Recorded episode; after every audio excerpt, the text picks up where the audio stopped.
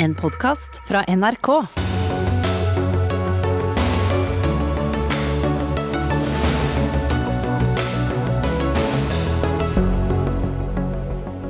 Taliban feirer sin seier etter at den siste amerikaner skal ha forlatt Kabul. Hva slags Afghanistan vokste frem under dette regimet? I dag kom oljerapporten som skapte så mye furore etter NRKs partilederdebatt i Arendal. Den konkluderer med at kutt i norsk gassproduksjon vil føre til økte klimautslipp globalt. KrF og Frp vil betale deg for å ta vare på de eldre, men Eldreombudet er skeptisk til politikerne og lurer på om forslagene faktisk er til det beste for de eldre. Og kunst med produktplassering ville du hatt et bilde på veggen med et selskapsnavn malt inn. Ja, dette er noen av sakene i kveldens Dagsnytt 18. Jeg heter eh, Espen Aas. Taliban har altså gratulert seg selv og Afghanistan etter at det siste amerikanske flyet forlot landet i går. Krigere kjørte over rullebanen på flyplassen i hovedstaden før ledere symbolsk inspiserte den. De siste dagene har 120 000 mennesker blitt evakuert ut av landet, herunder norske styrker. Mange afghanere har også rømt eller forsøkt, men de aller fleste blir igjen.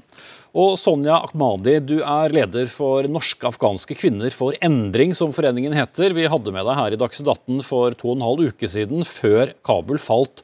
Da fryktet du for konsekvensene av den planlagte uttrekningen av utenlandske styrker. Hva sier du i dag? Um, hei. Uh, det er veldig åpenbart at afghanere ikke ønsket å ha uh, de internasjonale styrkene og USA i Afghanistan for en evig tid.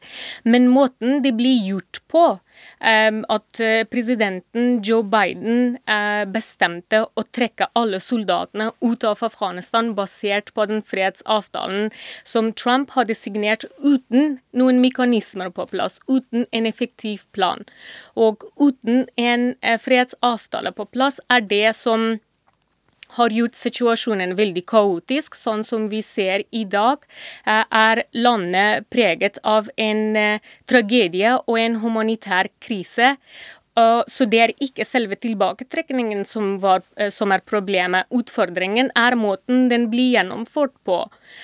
Så i dag familie, Beklager at jeg avbryter deg, men du har jo da familie og kjente eh, fortsatt i landet som du har eh, kontakt med. Og nå er jo da det store spørsmålet hva som skjer etter at utenlandske styrker har forlatt og Taliban har full kontroll. Hva, hva har de fortalt deg?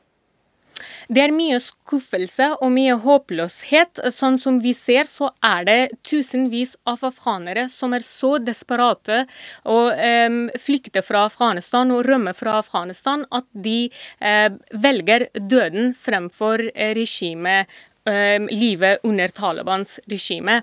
Men de som jeg har snakket med, det er noen av dem som er ganske fornøyde med, eh, med at det ikke blir en krig, i hvert fall. Eh, men også er eh, de fleste som jeg har kontakt med, folk fra eh, sivilsamfunnet, eh, kvinnerettighetsforkjempere, eh, aktivister, journalister, professorer som er veldig redde for livene sine fordi de venter på en usikker fremtid under Taliban. Også Taliban sier, uttaler seg, at de har endret seg, men det er ikke Jeg syns ikke at de har forandret seg noe særlig. Mm.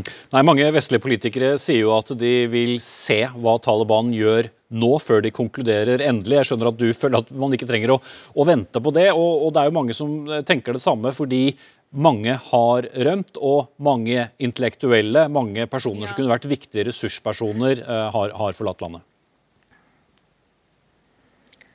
Ja, eh, det stemmer. Det som skjer akkurat nå, er en type eh, brain drain. Det er alle de som hadde tatt en utdanning, de som var velkvalifiserte og spesialister i eh, sine respektive områder, som forlater landet. Og spørsmålet blir da hvem kommer til å bygge Afghanistan hvis alle de som, som var kvalifiserte, flykter landet? Men altså, jeg må si at Afghanistan er et land med eh, en befolkning på ca. Eh, 38 millioner. så det er fortsatt Det er veldig stort fokus på de som akkurat nå vil flykte landet, men vi må huske at det er et stort land med en stor befolkning, så det er fortsatt folk som vil være i Afghanistan, som vil bidra eh, til å bygge landet sitt, og som vil ikke ut av Afghanistan. Mm. Litt, liten strime av, av, håp der. Takk skal du ha, Sonja Ahmadi. Eh, forsvarssjef Eirik Kristoffersen, du har jo selv flere perioder bak deg i, i Afghanistan. Eh, du har vel fått spørsmålet før, men eh, mange tenker jo det samme. Var det verdt det? Ja, vi, vi, hadde ikke noe annet valg i 2001 enn å stille opp for våre allierte etter angrepet mot, mot USA 11.9, og, og det gjorde vi. Vi var med tidlig. og og Norske soldater har vært med underveis. Vi har tilpassa oss de allierte, og vi har trukket ut sammen de allierte. Mm. Men, men, afghanere flest, hva sitter de igjen med etter at uh, utenlandske styrker har vært der i 20 år? Ja, det, det, er en generasjon da, som har vokst opp nå eh, med internasjonal tilstedeværelse. Av, de, av befolkningen i Afghanistan nå så har jeg hørt tall som sier at ca. 60% er født etter 2001. Det er en ung befolkning, og som Sonja også var inne på, det er de unge vi må sette vår lit til. Eh, det lederskapet som Taliban presenterer nå, er ikke akkurat eh, prega av verken mangfold eller dynamikk. Det er et ganske eh, tradisjonelt lederskap med, med, med, tradisjonelle eh, gamle menn som faktisk skal, skal ta, ta, ledelsen nå. Men vi må sette vår lit til at, til at verdenssamfunnet ikke glemmer Afghanistan, og at, og at, Afghanistan fortsatt kan få både bistand og humanitær hjelp, og at, og at de unge får sin plass. Mm. Men så gjenstår det å, si, å se at Taliban faktisk legger til rette for det her og, og, gjør det de har sagt de skal gjøre. For Dette er jo en islamistisk eh, organisasjon. Eh, vi ser de ofte med, med våpen. Eh, og Et annet spørsmål som, eh, som, dukker opp, er jo nå idet eh, soldater har, har forlatt eh, landet. Hva slags tanker gjør du deg om det som måtte være igjen av forsvarsmateriell og, og våpen til, til, Taliban? Ja, altså, Det rent forsvarsmateriellet bekymrer meg for så vidt ikke så mye. Men, men det som bekymrer meg, er jo er om Taliban faktisk kommer til å til å eh, være i stand til å styre landet. Altså de, er, de er gode på å drive opprørskrig. Det har vi sett det gjennom 20 eh, år, og vi så det også før de tok makta i 1996. Eh, men de er ikke gode på å styre et land, og de er helt avhengig av, av fortsatt bistand. De er helt avhengig av ekspertise for å, for å drifte flyplassen. Og så er mange, mye av de våpensystemene er jo en oppgradering av de våpnene de hadde, så de hadde jo bra med våpen før òg. Men, men Taliban er først og fremst en militær organisasjon som har en helt klar islamistisk ideologi. Men det evnen til å styre et land, den eh, har de ikke vist. Ja, for Som bl.a. Eh, Sonja Ahmadi punkterte til meg på telefonen tidligere i dag, dette er jo en organisasjon som ikke akkurat har videre- og etterutdannet seg. Altså, dette har jo vært en organisasjon som, som har vært i, i borgerkrig, eh, eller da med, i, i, krig og drevet på flukt av, av utenlandske styrker, som noe særlig mer moderne Taliban er det kanskje ikke så mye håp om å, tro har, har, rukket å vokse frem på de to tiårene?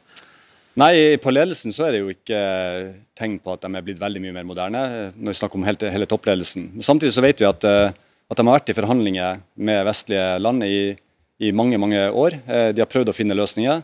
Men det var helt klart et premiss for Taliban at eh, vestlige måtte forlate landet før opprøret skulle slutte. Og det, det som på en måte har vært eh, Trøst i det her er at, eh, at det ikke ble fullskala borgerkrig i Afghanistan så langt. Og Så gjenstår det å se hva som skjer de neste dagene, uken, uken og månedene, nå når Taliban faktisk har kontroll. Eh, samtidig som vi vet at det er opprørsgruppe i Panjshirdalen, og de har også en intern terrororganisasjon i Afghanistan, ISKP, som har ambisjoner om å både ramme Taliban, men også om å ramme eh, land utenfor Afghanistan og som har gjort seg gjeldende.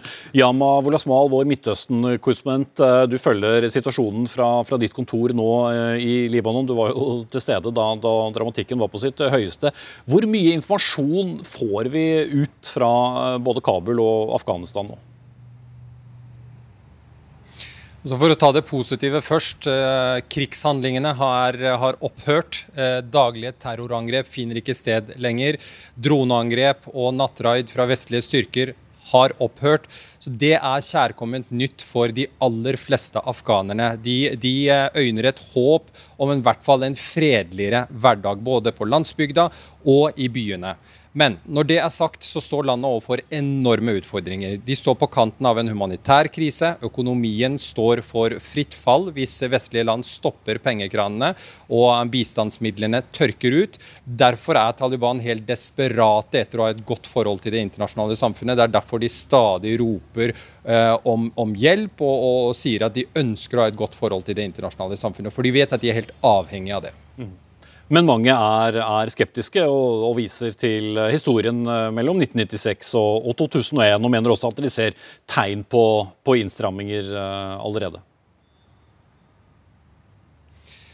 Ja da, Taliban er ikke en gjeng som har et hyggelig rykte på seg. De kom inn og utførte massedrap sist de styrte Kabul. Det var det man fryktet da de kom marsjerende inn i Kabul denne gang. Eh, heldigvis kan man si at man ikke så eh, massedrap fra Talibans side, lynsjinger i gatene. Eh, de snakker om, eh, de har i hvert fall forandret seg på det politiske planet, for de sitter nå og faktisk snakker og forhandler med en president, Karzai, som styrte landet i 14 år, som var USAs mann. som sørget sørget for at titusener av Taliban-soldater ble drept ved hjelp av amerikanske bomber. Nå sitter de faktisk med denne mannen som de så på som en forræder, og forhandler om en mulig politisk løsning. Så på det politiske området har de forandra seg. Det store spørsmålet for afghanere er om de personlige frihetene som menneskerettigheter, eh, ytringsfrihet, retten til utdanning, om disse tingene kommer til å bli skrenket inn eller ikke, det har ikke Taliban fått tid til å vise ennå. Eh, grunnen, en av grunnene til at vi snakker eh, om Afghanistan i dag, er jo 31.8 var jo datoen da alle skulle ut. Men flere land, deriblant Tyskland, har jo fortsatt personell i landet. Britene har også eh, noen fortsatt der. Samtidig som vi jo stadig hører om afghanere som vil ut. Men hvor store muligheter er det egentlig for å komme ut av Afghanistan nå? Akkurat nå er det praktisk talt umulig å komme seg ut av Afghanistan. Landet er så å si hermetisk lukket. Den internasjonale flyplassen i Kabul eh, ligger brakk akkurat nå. Det er ingen fly som eh, drar derfra fordi Taliban mangler den tekniske kompetansen til å drifte flyplassen. De er i samtale med tyrkerne nå. Eh, kommer de til en enighet med tyrkerne, så kan internasjonale fly begynne å gå igjen. og Da har Taliban lovet at vestlige borgere, alle med nødvendige dokumenter, vil få lov til å reise ut av flyplassen. Men per nå så sitter alle disse menneskene fast. Nato-landet Tyrkia kan være nøkkel her også. Seieren tilhører eh, oss alle, ble det sagt fra Talibans ledere. Hvor stor er også denne seieren PR-messig for eh, islamistiske organisasjoner? Ja, Fra Talibans ståsted så kan ikke den seieren understrekes nok. Dette er en eneste stor, gigantisk seier for Taliban. Dette var en gjeng med lurvete geriljasoldater med rustne våpen som ble jagd ut av Kabul i løpet av to-tre uker av eh, Nato-styrker. De kjempet i 20 år og klarte til tross for alle utfordringene på slagmarken. De sto opp mot et mektig militærmaskineri med all verdens teknologi. Likevel så klarte de å få Nato ned i kne og ut av landet, sier de. Dette feirer de i dag, eh, og, de sier at de feirer på vegne av hele Afghanistan. Så at dette er en stor seier for Taliban militært, er det ingen tvil om. Mm. Erik Stoffersen, nettopp dette poenget med, med Tyrkia har jo blitt eh, trukket frem i dag. Hvordan tolker du det? Er det, er det gode signaler? Jeg mener at det, det er gode signaler. At, uh, at, Taliban innser at de må ha hjelp. Uh, at de ikke kan styre landet på samme måte som i 96 til 2001.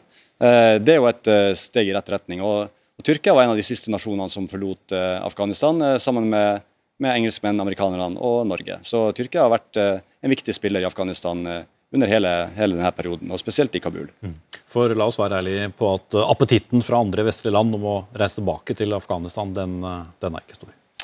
Nei, akkurat nå så er, det jo, det er den jo ikke stor. Altså, jeg var veldig letta i går når vi fikk de siste hjem. Eh, og Så gjenstår det å se om, om vi får et styre i Afghanistan som, som, ligner på det Taliban sier at de skal, skal etablere. Men det får tida vise. Takk skal du ha.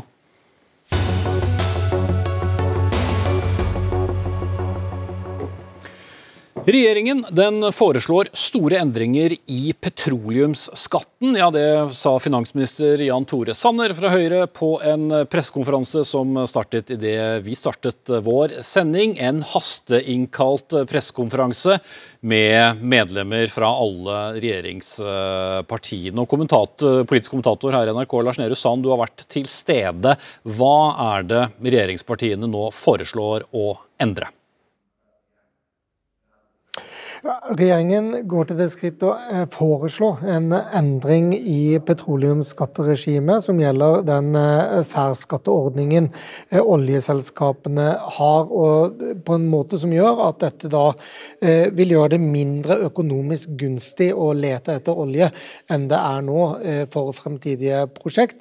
Og man begrunner det at man gjør det nå, ikke bare klimapolitisk og klimarisikopolitisk, men også med tanke på at det man nå har hatt en oljeskattepakke som har vært svært gunstig for næringen, den varer ut 2022. og da Istedenfor å gå tilbake til normalen etter at den midlertidige fasen eh, løper ut, så vil man nå eh, ha et nytt eh, system for hvordan man beregner skatten av, eh, som oljebransjen eh, lever etter. Jeg vil tro eh, dette er en større nyhet enn det høres ut som, i den forstand at det at dette eh, systemet har ligget fast så lenge eh, og tjent eh, Norge godt, vært en viktig del av suksesshistorien om norsk oljeleting, og hvordan fellesskapet og staten har fått igjen for dette så gjør det at man i seg selv endrer noen av, av brikkene i puslespillet her,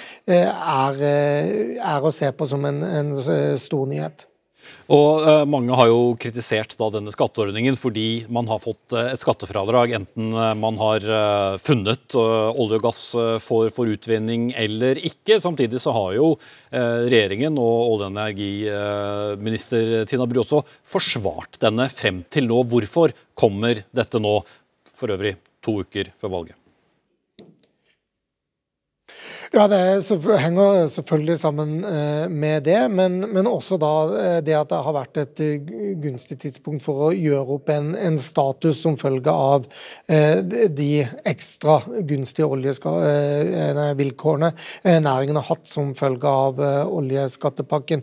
Så er det jo sånn at debatten om oljenæringens skattefordeler er mye større enn dette her. Det handler om leterefusjonsordningen og andre komponenter i den ordningen, eh, som vil fortsette. Så jeg vil nok tro at for, eh, for eh, klimabevegelsen og, og mange klimapartier i opposisjon, så vil dette ikke være et tilstrekkelig grep. Hvis man leser partiprogrammene til, til SV og MDG, så vil gjøre eh, vesentlig større endringer i, i uh, oljenæringens skattemodell. Men det er uansett interessant. Sanner sier at han ser for seg et bredt forlik om dette. Så hva Arbeiderpartiet og, og andre partier vil gjøre, er interessant. Men, men, som sagt, jeg tror nok debatten om at oljenæringen har gunstige vilkår, eh, vil fortsette. Og ikke minst da hvor lurt dette er. Så er det jo en annen diskusjon hvor eh, hva slags signal dette sender internasjonalt. At Norge som oljenasjon eh, sier at det skal i fremtiden økonomisk sett bli mindre gunstig å lete etter olje. Mm. Takk skal du ha, Lars Nehru Sand. Og mer om endringene i petroleumsskatten får du i andre nyhetssendinger her i NRK utover kvelden.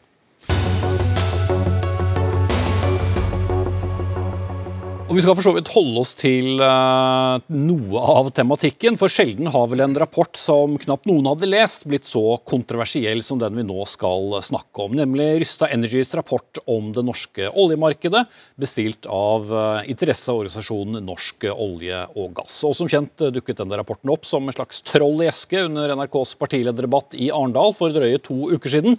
I dag ble den altså offentliggjort, og det er særlig konklusjonen som nok vil vekke en del reaksjoner reaksjoner.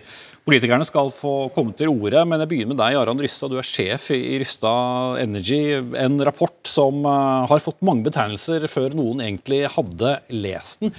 Hva er det kort den egentlig viser? Den sier at hvis du kutter i norsk olje og gass, så blir den meste av den olje og gassen blir erstattet av olje og gass fra andre land som har høyere utslipp. Og de utslippene vil være større i sum enn den lille olje og gassen som kuttes pga. at når du kutter, så får du høyere pris, og da etterspør man litt mindre.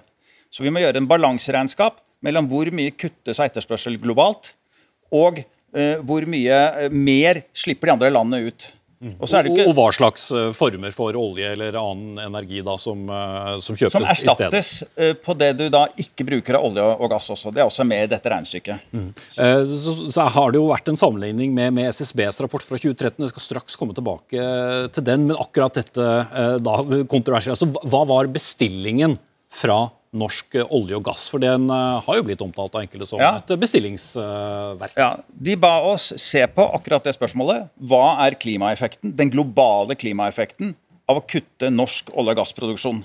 Enten håper å si alt, eller en liten del av det.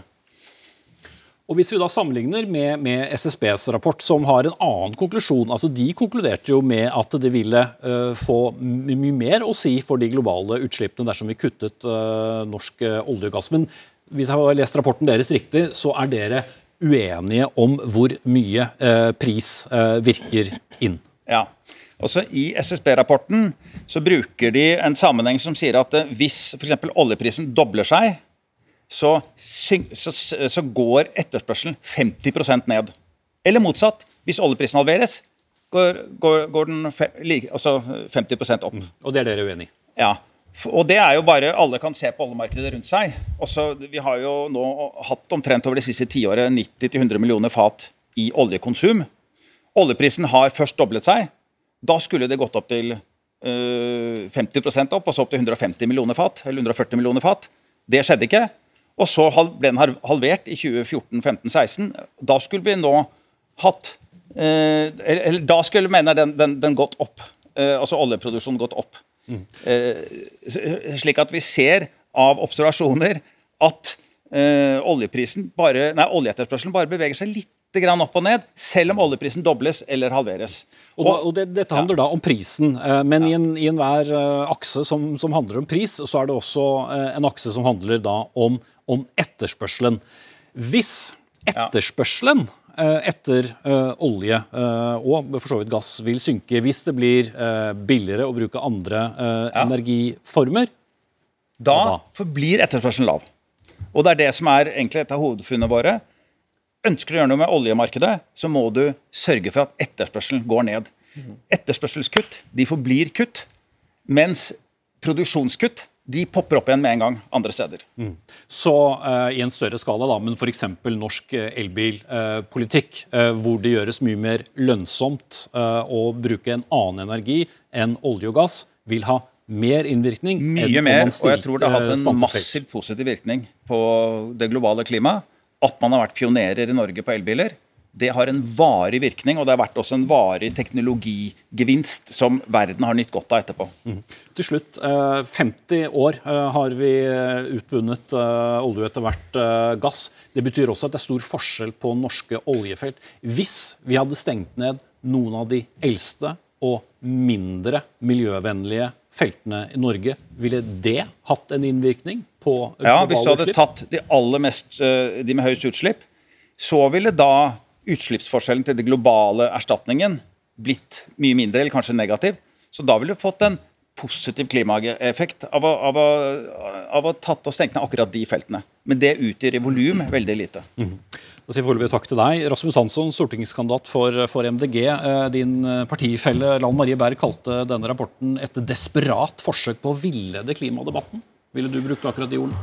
Eh, Det jeg i hvert fall vil si, er at det etterlatte inntrykk av rapporten, som i seg selv teknisk sett er grei nok, den kommer fagfolk til å krangle om, men det etterlatte overordnede inntrykket er helt sprøtt.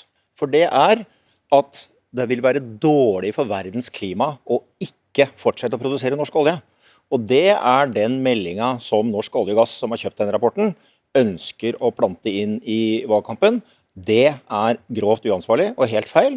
Fordi det vi må gjøre, det FN forteller oss, det de internasjonale energibyråer forteller oss, og stadig flere autoriteter forteller oss, det er vi må slutte å produsere olje og gass.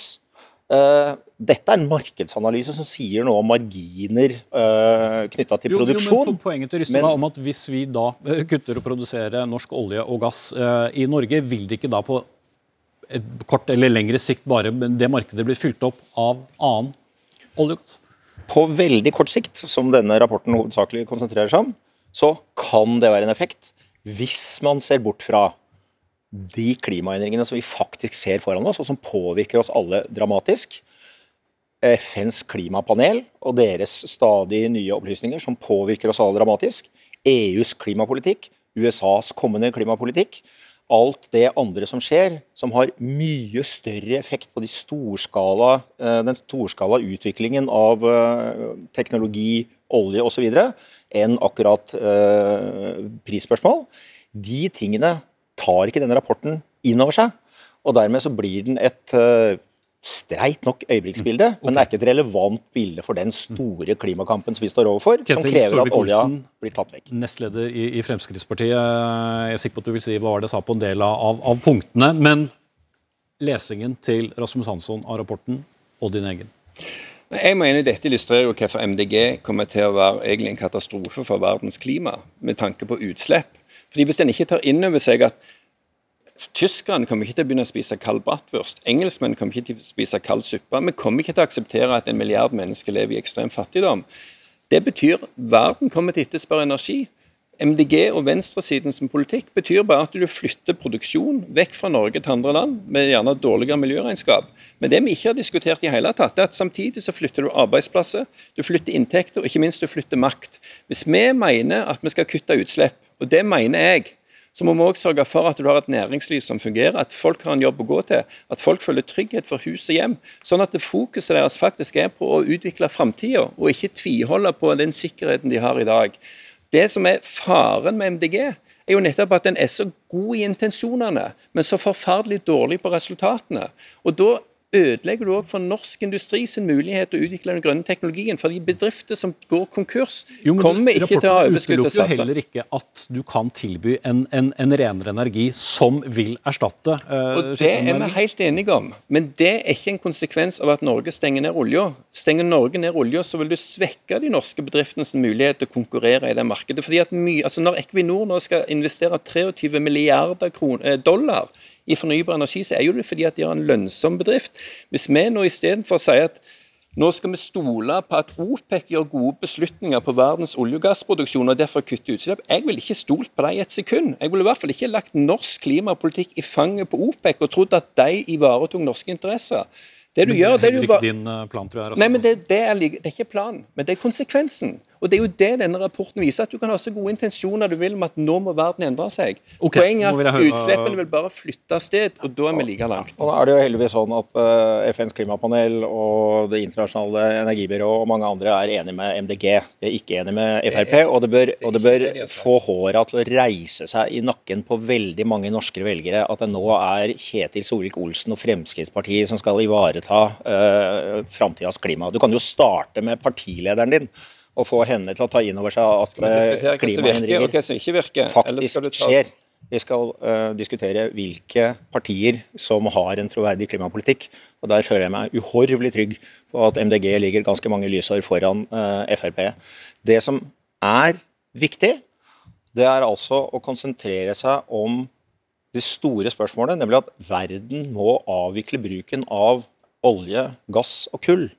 Og det kommer til å skje først og fremst gjennom politiske beslutninger, slike som eh, Parisavtalen ber om. Det skal skje i Glasgow i november. Eh, at Norge skal komme med en ny melding om hva vi vil gjøre der. Og jeg tror ikke at Jonas Gahr Støre kommer til å ta med seg din rapport, Rystad. Med all respekt for rapporten og Rystad Energy. Jeg tror ikke han kommer til å ta med seg den rapporten og si her er det vi skal gjøre i Norge. Okay. Men, men hva, hva, hva, er, din løsning? Altså, utfor, ut, utfordringen er jo at MDG, Rødt og SV lever i den gode intensjonens verden. At hvis vi bare går foran, så vil andre følge etter og la være å tenke på eget energiforbruk. Men skal vi fortsatt måle, møte målene i Parisavtalen? Ja, det skal vi. Vi kan kutte utslipp. Men vi må ikke begynne der du er renest. Du bør begynne med å kutte kull. Når Kina og India øker kullforbruket mer enn resten av verden reduserer det Kan jeg få snakke en gang til? Jo, men, ja, nettopp. Det er jo det som er problemet. At Parisavtalen tvinger fram kutt i de landene som er renest, mens de landene som er skitnest, får en nærmest uendelig vekst. Og det hjelper ikke verden at vi legger ned olja i Norge og han propper opp igjen i Saudi-Arabia. At vi legger ned gassen i Norge og han propper opp igjen i Russland. At vi legger ned industrien i Norge propper opp igjen i Kina. England kan skryte av å ha kutta sine utslipp fra stålverkene betydelig, for de har lagt de ned. Men de kommer opp igjen i Kina med større utslipp, og så importerer engelskmenn stål tilbake.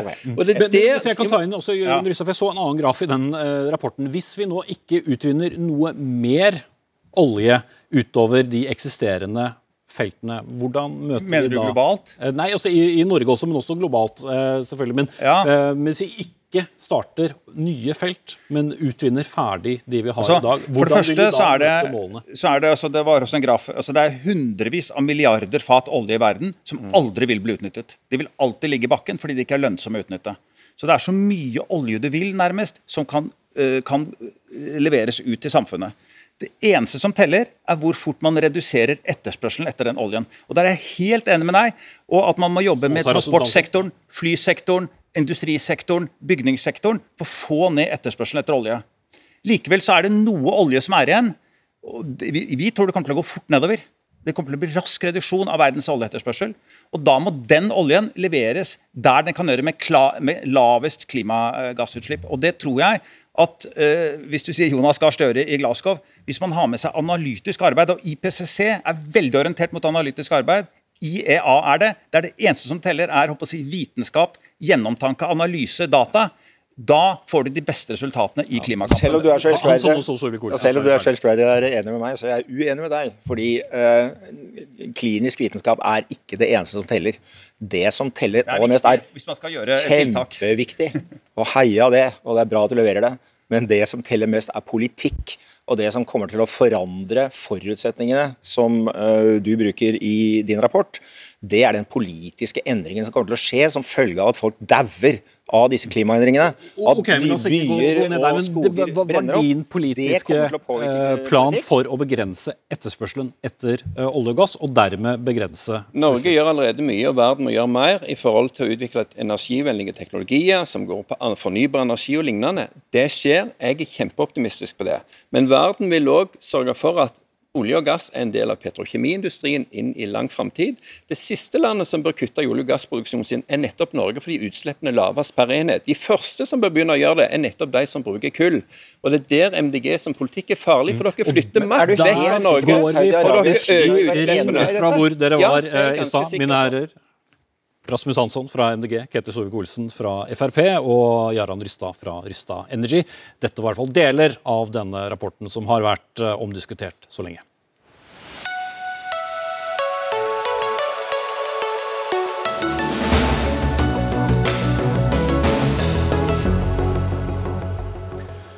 Og senere i Dagsnytt 18 så skal vi møte LO-medlemmet som eh, nå er i ferd med å revurdere sitt eh, medlemskap der, og heller vil gi pengene til en miljøorganisasjon, for hun føler at LO ikke tar nok ansvar for fremtidens arbeidsliv.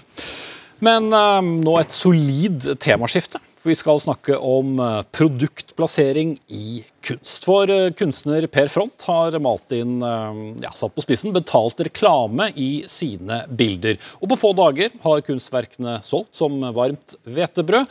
Og ikke bare det. I et innlegg i Dagens Næringsliv skriver du Front at denne formen for kunst gjør deg friere som kunstner enn om du skulle få statlig støtte.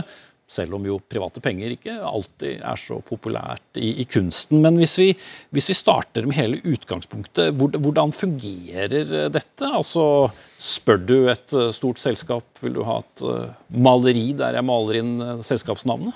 Nei, nei. Det, det begynner ikke sånn. Det begynner med en utfordring jeg fikk, fordi at jeg er en kunstner som har tatt et bevisst valg om å leve av de arbeidene jeg skaper. Og så, eh, for å spole litt tilbake, pandemien treffer atelieret, den treffer meg, den treffer inntektskilden min, og jeg har familie og alt mulig som skal eh, leve av kunsten. Og eh, jeg søker etter oppfordring fra Abid Raja om jeg kan ta et arbeidsstipend, når jeg tross alt har levert masse penger inn ved salg til stipendkomiteer. Og dermed får jeg nei, og så tenker jeg vent litt, hva er det som skjer her? Jeg prøver å belyse de forskjellene som er på, i den pengestrømmen som finnes i det offentlige Kultur-Norge. Mm, hvor, du, hvor, du, må søke da om stipend? Ja, altså Det handler litt om å styre sin egen kunstnerskjebne. Hva er det du vil? Legge deg ut med en hel haug som skal, skal, styre hvordan du skal ha det. Så jeg tenker, vent litt, Kan jeg finne en alternativ måte å finansiere kunstprosjekter på som trygger økonomien, og som også skaper bedre arbeider? Og det er slik i, i uh, Kultur-Norge at uh, veldig mye av pengene kommer fra den offentlige. Og det er flott at vi har stipendordninger, men det er ikke det jeg bryr meg om. Jeg er mye mer opptatt av skjevfordelingen, fordi jeg er en kunstner som lever i den lille, private delen.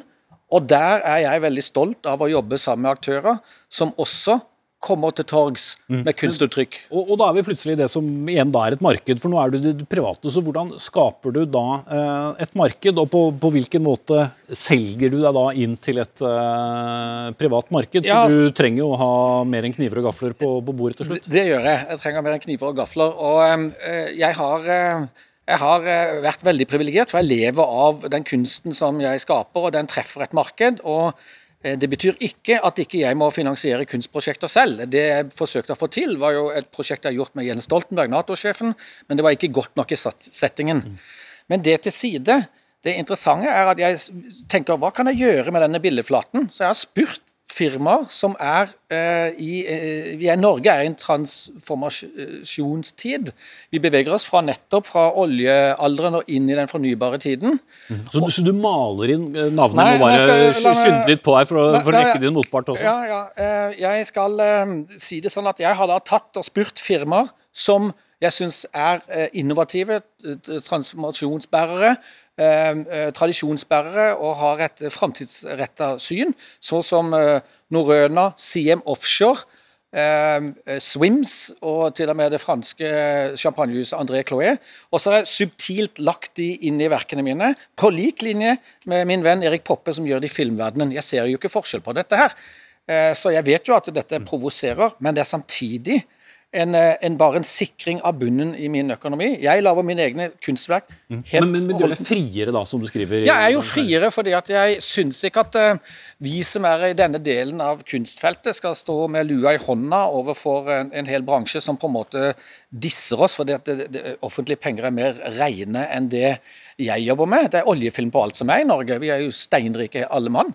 Uh, og jeg ser at uh, hvis jeg jobber på den måten, så slipper jeg å forholde meg til kunst... Eh, eh, eh, hva skal jeg si Stipendordene. Altså, stipendordene ja, men det, det, er den ene delen. Det har jo tatt et valg på. Men det som skjer med definisjonsmakten og penger, det er det at innkjøpskomiteer følger ikke opp arven, for de møter alle disse gode galleriene, og der den gode kunsten også finnes utenfor det offentlige feltet. Ok. Eh, Ruben Steinum, du er da styreleder i Norsk eh, Billedkunstnere, eller NBK. Er du enig i at det gjør en kunstner mer fri når de kan eh, finansieres på denne måten, enn, enn gjennom denne stipendordningen som, og alt det innebærer av papirarbeid og usikkerhet? Ja, nå, var det jo mange forskjellige eh, poenger som Per var innom her, både i forhold til markedsstørrelse i forhold til det, mellom det offentlige og det private, og, og stipendordninger og innkjøpsordninger. Så jeg prøver å ordne det litt opp. Eh, og starte med at eh, for det første, det at per, du Per, at du opplever deg fri på denne måten, det er jo bare veldig godt å høre. og Jeg er veldig glad på dine vegne i forhold til at du har solgt nettopp disse arbeidene.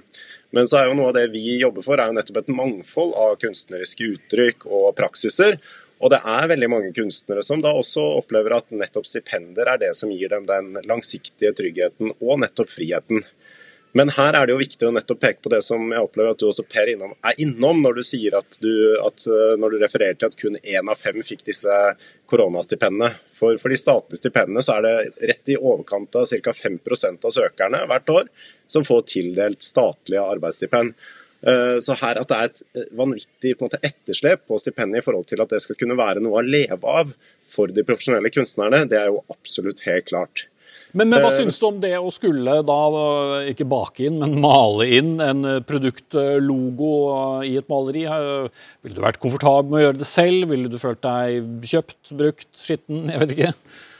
Nei, jeg tenker Som Per også, det som du refererer til i den ene saken, altså dette er jo noen historiske eh, linjer som trekkes her også. altså at Tidligere malere også har malt inn på nærings- eller på symboler på vegne av de de portretterer. Men eh, og jeg vil ikke foreta en sånn dom over noe kunstnerskap. altså Her er det den friheten som er viktig, som også Per refererer til. Eh, samtidig så er det også kunstnere som jeg godt kan forestille meg at ville opplevd dette som ikke fullt så frigjørende, og som derfor nettopp ønsker stipendet. Og Det er jo dette mangfoldet som vi nettopp ønsker. Men jeg vil også gjerne knytte en Jeg Bare få Front til å, å, svare på det. Svar på. På, på, på, på Steinums uh, analyse av måten din å gjøre det på. Ja, jeg tenker at, eh, at der, er det, der, er det, plass til veldig mange. og vi... Uh, vi, jeg er jo tilhenger av stort mangfold i kunsten. Det som bekymrer meg aller sterkest, det er definisjonsmakten som gjør at det mangfoldet ikke kommer til uttrykk i f.eks. Nasjonalgalleriet og de store samlingene som skal på en måte ta vare på det som ble skapt. Hvis vi tar f.eks. Eh, frølageret på Svalbard, vi kan ikke ha det sånn at vi bare plukker ut 60% av frøene. Det må nesten være alle. 100% Som man i hvert fall bør vurdere å ta med. Og Det er litt av mitt anliggende, at jeg mener at man, man må se et større, eh, i et større perspektiv. Så de private galleriene, de private kunstnerskapene, de blir oversett og nesten nullet ut. Fordi vi er på en, en side hvor du har berøringsangst for det kommersielle. Mm. Svar på det, Steinum? Eh, jeg tror nok at dette også er et punkt som jeg er delvis eh, enig med noe av bakgrunnen for bekymringen som du løfter her, Per. fordi det at de offentlige museene har er så å si fraværende som samlere, det er et stort problem som vi også adresserer.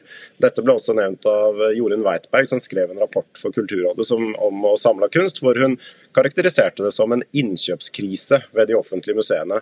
Fordi de rett og slett har så lave innkjøpsbudsjetter at de ikke i nærheten får samla representativt eller mangfoldig uh, av det som skapes av kunstnere i Norge, eller norske kunstnere. Og Det mener vi jo at må adresseres. Og så kan vi med glede se at det har blitt adressert under korona. Med ca. 70 millioner i innkjøpsmidler eh, som et koronatiltak. Men det håper vi jo absolutt at vi videreføres, for det var et langt etterslep. ok, Vi takker hele det etterslepet nå. Robert eh, Steinum og Per Front, takk skal dere ha begge to. Og hvem vet hvor dette ender? Kanskje noen begynner å male tomatsuppe på bilder.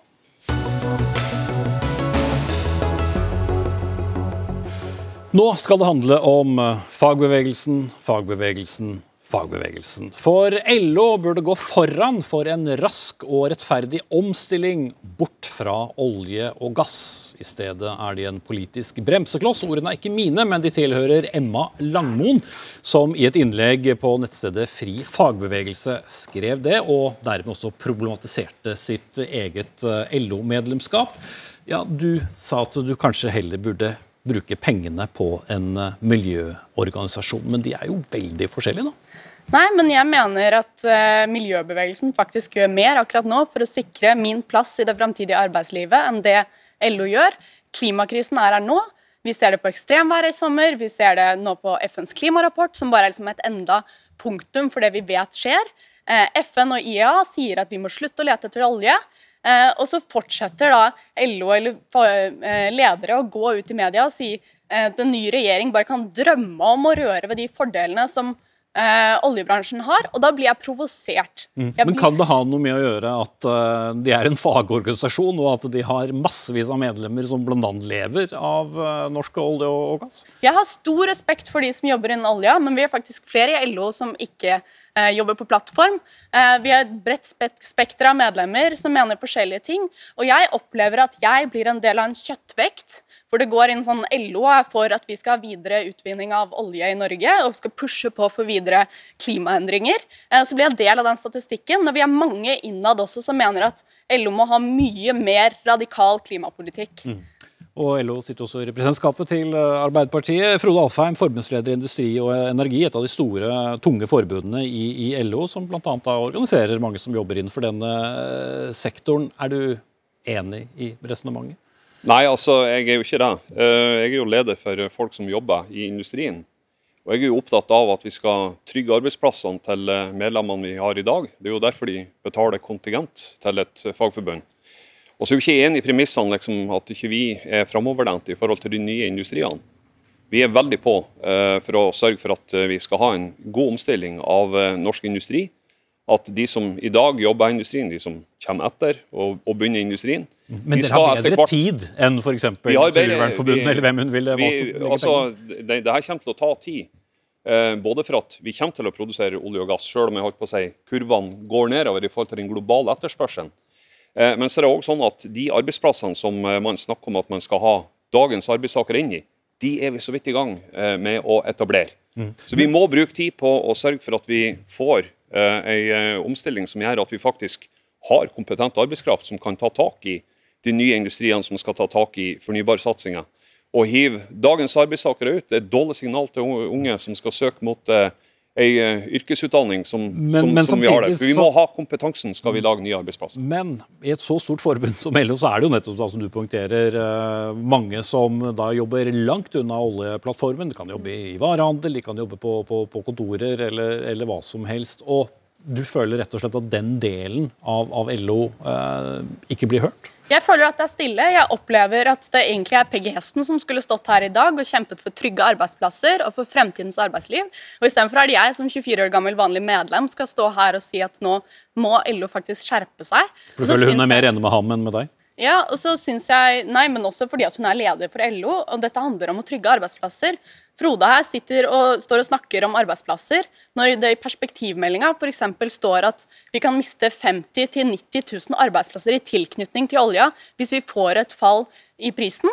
Eh, og det må skje hvis vi skal nå de klimamålene som Norge også har bestemt at vi faktisk skal holde oss innen 1,5 graders global oppvarming. Og da må vi faktisk være litt proaktive. Vi kan ikke bare bli sittende igjen bakerst. Ja, altså jeg tror vi kommer til å ha eh, nå faktisk endelig en balanse i det der. For at jeg tror vi skal være godt skodd for å, å møte den globale eh, utfordringa med at vi skal ned med, med produksjon og ikke minst forbruk av fossilt. Eh, for nå ser vi endelig at det skjer ting eh, i forhold til etablering av nye arbeidsplasser. Vi ikke snakker bare om det nye eh, grønne skiftet. Vi snakker faktisk om at nå kommer investorene og sier at nå skal vi putte penger i det. Og Det er jo bl.a. for at man ser at det er det som vil lønne seg på sikt. Men det kommer til å ta tid å bygge opp de eh, nye lønnsomme arbeidsplassene. De kommer til å trenge hjelp i startfasen. Det kommer til å ta lang tid å, å få de arbeidsplassene opp.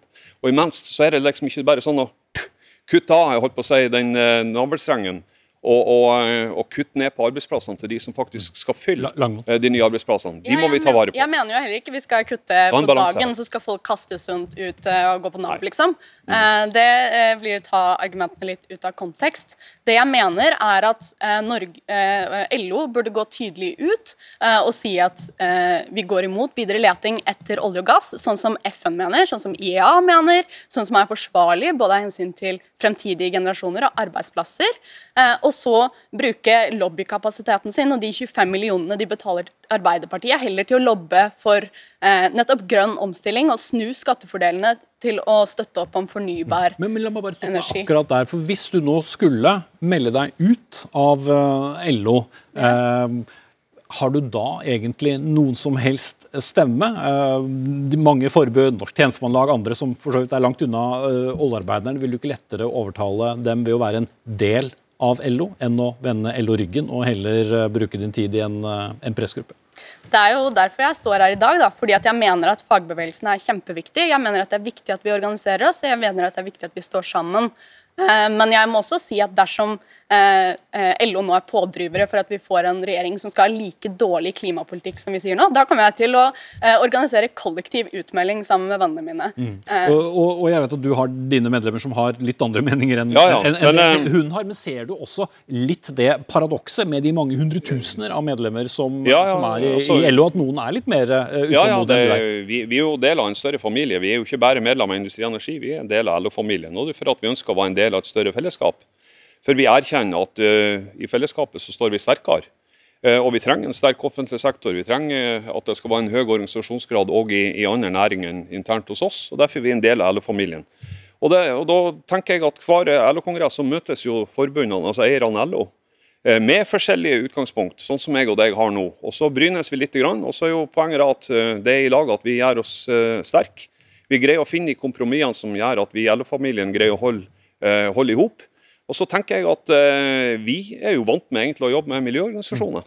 Altså Fra Fredrik Haug og Bellona lenka seg fast til arbeidsportene til okay. medlemsbedriftene våre på tid til den, 70-tallet, så har vi samarbeidet den historien over eh, nå. og Jeg vet eh, hva du sikkert ville sagt om utålmodigheten din, men eh, dere kan eh, snakke mer om det, så får du se om du beholder medlemskapet ditt i LO, eller om du går andre steder. Emma Langmoen, eh, litt misfornøyd LO-medlem, og Frode Alfheim fra Industri og Energi. Takk. Takk.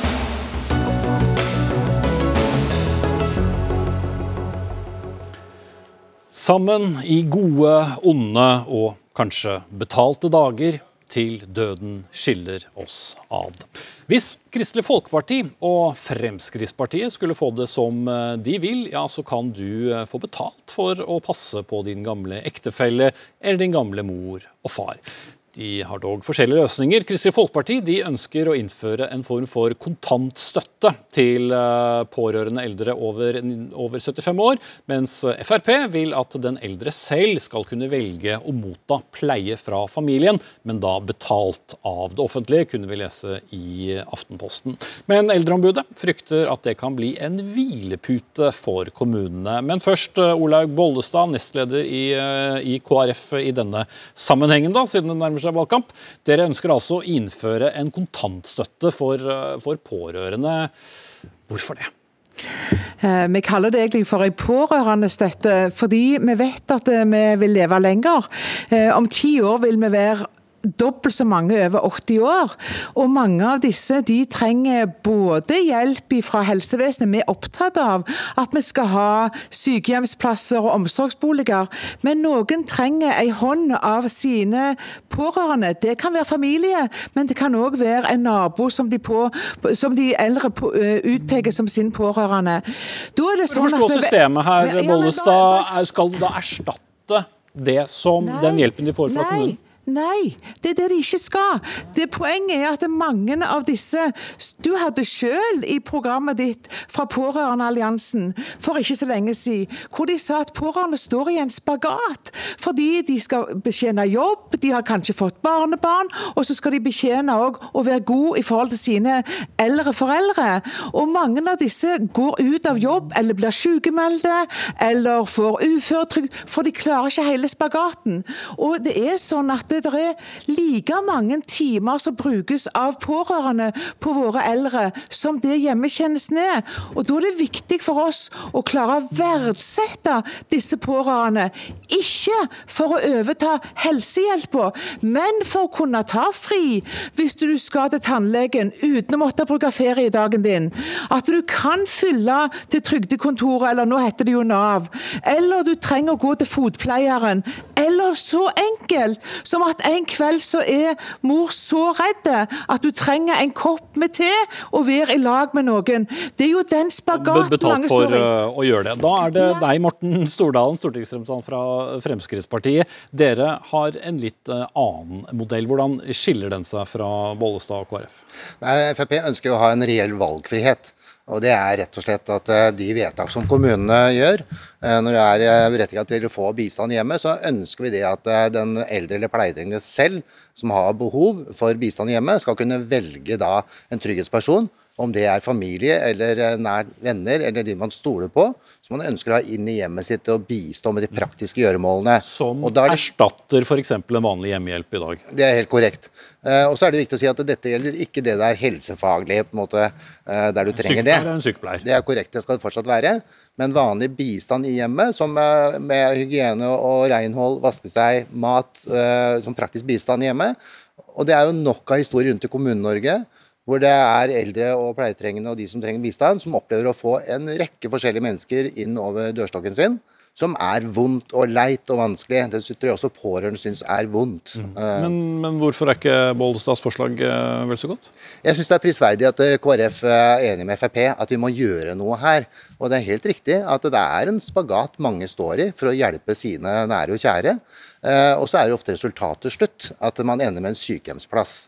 Eh, og jeg mener De som skal ha praktisk bistand hjemme for å kunne klare seg i hverdagen, skal selv kunne velge hvem som kommer hjem til seg. Nå skal jeg ikke mistro uh, pårørende, for så vidt, uh, Olaug Bollestad, men altså, hvordan vet vi at uh, disse pengene, som da vel kan bli fort opp i 90 000 kroner i året, faktisk uh, gjør hverdagen til eldre bedre? Det er klart at her må vi lage kontrollmekanismer, men det er jo òg en tillit. Jeg er helt overbevist om at de fleste av oss ønsker å strekke oss kjempelangt i forhold til våre pårørende.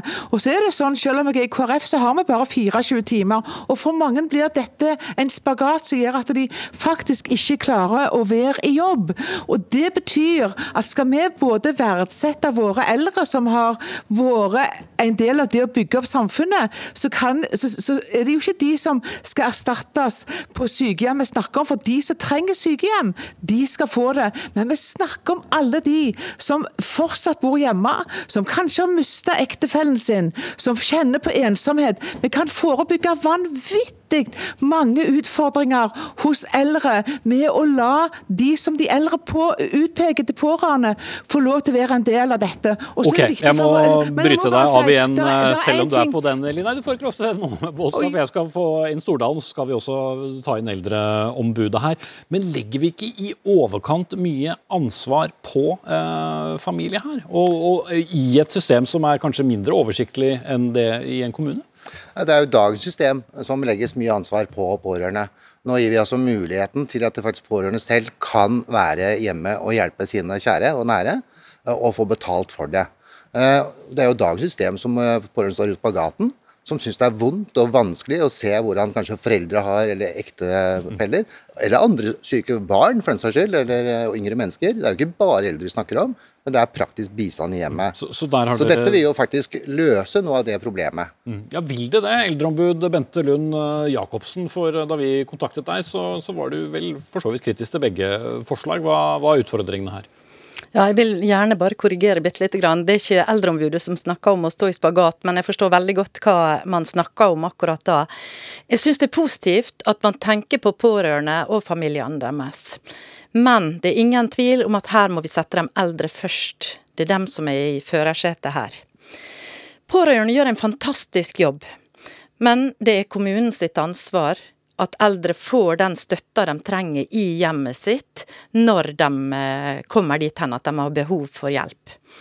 Og eh, jeg er bekymra for at eh, man skal på en måte komme i den situasjonen at den tjenesten, den ekstra hånda, de to ekstra hendene i hjemmet, tar over kommunens sitt ansvar, og at det blir ei skikkelig sovepute for kommunene. Vi løser ikke de store utfordringene i samfunnet, og vi vet jo at det er mangel på sykehjemsplasser. Vi vet at de trenger flere hender i hjemmeomsorgen fremover, og eh, vi ønsker jo også at man skal kunne stå i fulle stillinger, 100 stillinger i eh, både hjemmeomsorgen og eh, helsetjenestene for mm. øvrig. Da skal dere få svare i motsatt eh, rekkefølge. Stordalen først, og så Bollestad. Ja, og det er jo med FrPs modell fortsatt kommunens ansvar. Det er jo bare at man skal kunne velge selv hvem som kommer hjem til seg, og la eventuelt pårørende få lov å være den som leverer den tjenesten, den praktiske bistanden. Og Det er fortsatt kommunen som skal eh, sørge for at kvaliteten er på plass. Det betyr også at du kan frigjøre noe hender i kommunale hjemmehjelpstjenesten til å gjøre andre oppgaver hos andre mennesker. Mm. Bollestad. Dette skal på ingen måte være en erstatning for det offentlige sitt ansvar, men dette skal være en um, håndsrekning til alle de som i dag ikke blir sett for den jobben de faktisk gjør med å stille opp for sine eldre. Vi skal utdanne nok folk til å være i eldreomsorgen. Vi skal ha plasser å bygge ut til sykehjemsplasser. Men dette handler om alle de som trenger ei ekstra hånd mens de bor hjemme. Ei hånd sånn som de vet er der, kanskje på ubeleide tider, når vi vet at det, selv om du ringer i alarmen, så, kom, så kan ikke hjemmesykepleien komme. Da er det denne støtten skal være der. Og det er veldig mange som gjør den jobben i dag. Og vi ønsker faktisk å verdsette den. Og jeg tror at dette er ikke for å binde og legge mer bør på de eldre, nei, på de pårørende. Det er faktisk motsatt. Vår tanke er vi ser spagaten, og vi ønsker å være med å bidra og si samfunnet vårt, vi setter det høyt, det dere faktisk gjør for, de, for, for dere eldre. Og vi trenger den støtten, men det skal ikke være i sovepute. Veldig kort til slutt, uh, Jacobsen. Da mener man jo at det, pårørende skal, eller eldre sjøl skal velge den pårørende i sin familie som skal få betalt for å være pårørende. Og så skal man eh, ha utfordringene eh, også som andre pårørende har i familien. Men eh, eh, jeg ser ikke for meg at dette er godt nok utreda, og det er et syns man må snakke med de eldre sjøl, for det er de eldre dette dreier seg om. Og tenk på den eldre som skal fra velge. deg, eh, Jacobsen? Det er jo valgkamp. Vi får se hva som blir utredet når den er over. Ansvarlig for dagens sending, Gro Arnberg. Jeg heter Espen Aas. I morgen er Sigrid Solund tilbake med ny fersk sending. Takk for nå.